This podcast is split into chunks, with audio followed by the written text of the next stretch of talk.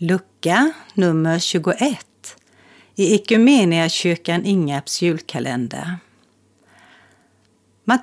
Matteus evangeliet kapitel 21 inläst av mig, Dorotea Lovén.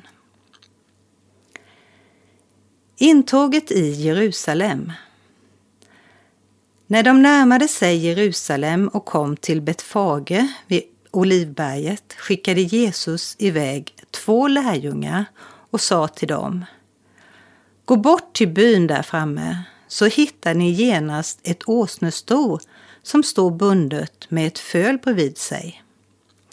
Ta dem och led hit dem. Om någon säger något ska ni svara Herren behöver dem.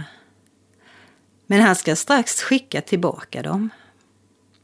Detta hände för att det som sagts genom profeten skulle uppfyllas.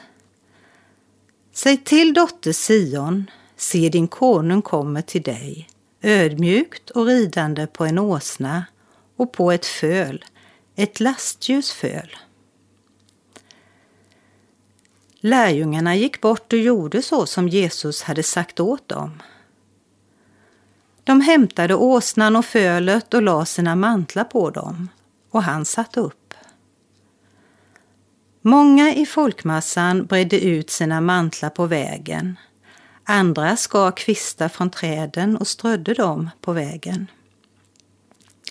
Och folket, både de som gick före och de som följde efter, ropade Hosianna, Davids son, välsignad är han som kommer i Herrens namn, Hosianna i höjden. När han drog in i Jerusalem blev det stor uppståndelse i hela staden och man frågade Vem är han? Och folket svarade Det är profeten Jesus från Nasaret i Galileen. Templet rensas. Jesus gick till templet och drev ut alla som sålde och köpte där. Han välte omkull borden för dem som växlade pengar och stolarna för dem som sålde duvor och han sa till dem Det står skrivet Mitt hus ska kallas ett bönens hus men ni gör det till ett rövarnäste. Blinda och lytta kom fram till honom i templet och han botade dem. När översteprästerna och de skriftlärda såg allt det märkliga han gjorde och hörde hur barnen ropade i templet Hosianna, Davids son, blev de förargade och sa till honom Hör du vad de säger? Jesus sa Ja, har ni aldrig läst orden Barns och spädbarns rop har du gjort till en lovsång åt dig. Sen lämnade han dem och gick ut ur staden till Betania och stannade där över natten. Fikonträdet som vissnade. När han tidigt på morgonen var på väg tillbaka till staden blev han hungrig. Han fick se ett fikonträd vid vägen och gick fram till det men hittade ingenting annat på det än blad. Då sa han till det Aldrig någonsin ska du bära frukt. Och med en gång vissnade trädet. Lärjungarna häpnade och sa hur kunde fikonträdet vissna så tvärt? Jesus svarade Sannerligen, om ni har tro och inte tvivlar kan ni göra detta med fikonträdet och mer än så. Ni kan säga till berget här, upp och kasta dig i havet, och det ska ske. Allt vad ni ber om i era böner ska ni få, om ni tror.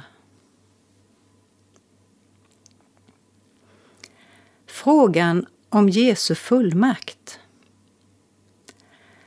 När han hade kommit till templet och höll på att undervisa kom översteprästerna och folkets äldste fram till honom och frågade Vad har du för fullmakt att göra detta? Och vem har gett dig den fullmakten? Jesus svarade Jag har också en fråga till er och om ni svarar på den ska jag säga er vad jag har för fullmakt att göra detta. Dopet Johannes döpte med, varifrån kom det? Från himlen eller från människor? De överlade med varandra.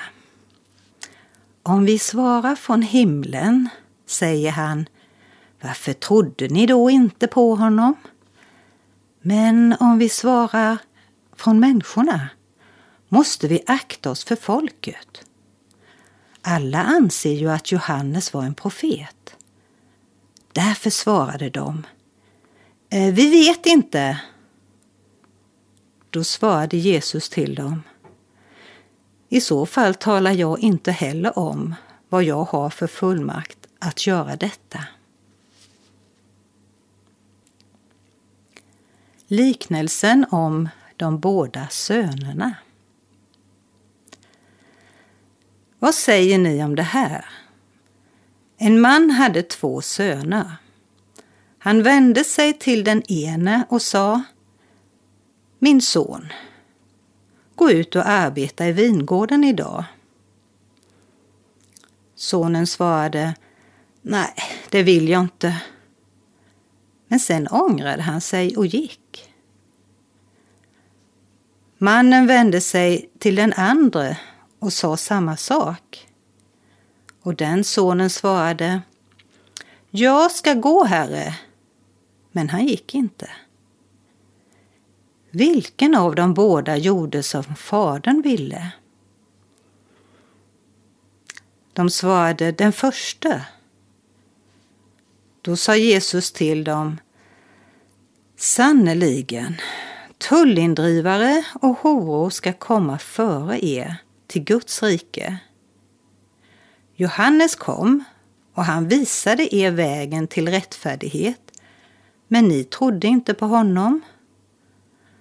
Tullindrivarna och hororna trodde på honom. Och ni såg det, men inte heller då ångrade ni er och trodde på honom.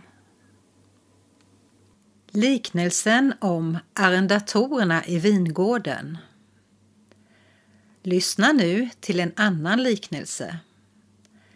En jordägare planterade en vingård, satte stängsel kring den, högg ut ett presskar och byggde ett vakttorn. Därefter arrenderade han ut den och reste bort. När skördetiden närmade sig skickade han sina tjänare till arrendatorerna för att hämta den del av skörden som han skulle ha. Arrendatorerna grep tjänarna och pryglade den ene, dödade den andre och stenade den tredje. Då skickade han dit ännu fler tjänare än första gången och de gjorde likadant med dem. Till sist skickade han sin son. Han sa Min son kommer de ha respekt för men när arrendatorerna fick se sonen sa de till varandra Här, här har vi arvtagaren. Kom, så dödar vi honom och får hans arv. De tog fast honom, släpade ut honom ur vingården och slog ihjäl honom. När nu vingårdens ägare kommer, vad gör han då med dessa arrendatorer? Översteprästerna och de äldste svarade han lönar ont med ont och tar död på dem och vingården arrenderar han ut till andra som ger honom hans del av skörden i rätt tid.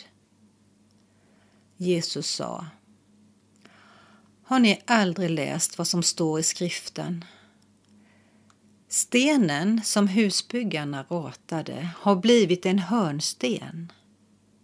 Herren har gjort den till detta och underbar är den i våra ögon. Därför säger jag er att Guds rike ska tas ifrån er och ges åt ett folk hos vilket det kan bära frukt.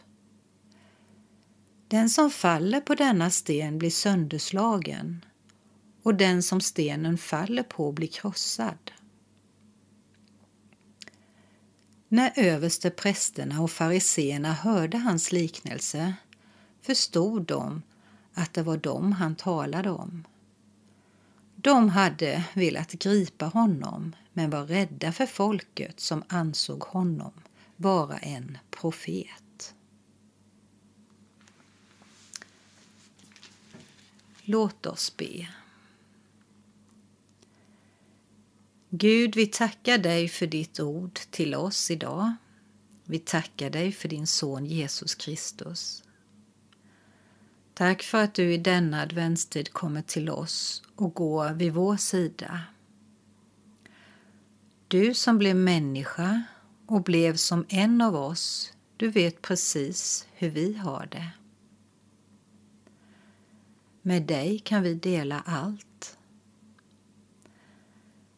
Tack för att du ser oss var och en i denna stund och möter oss med ljus och kärlek. Välsigna och bevara oss idag. Låt ditt ansikte lysa över oss. I Jesu namn. Amen.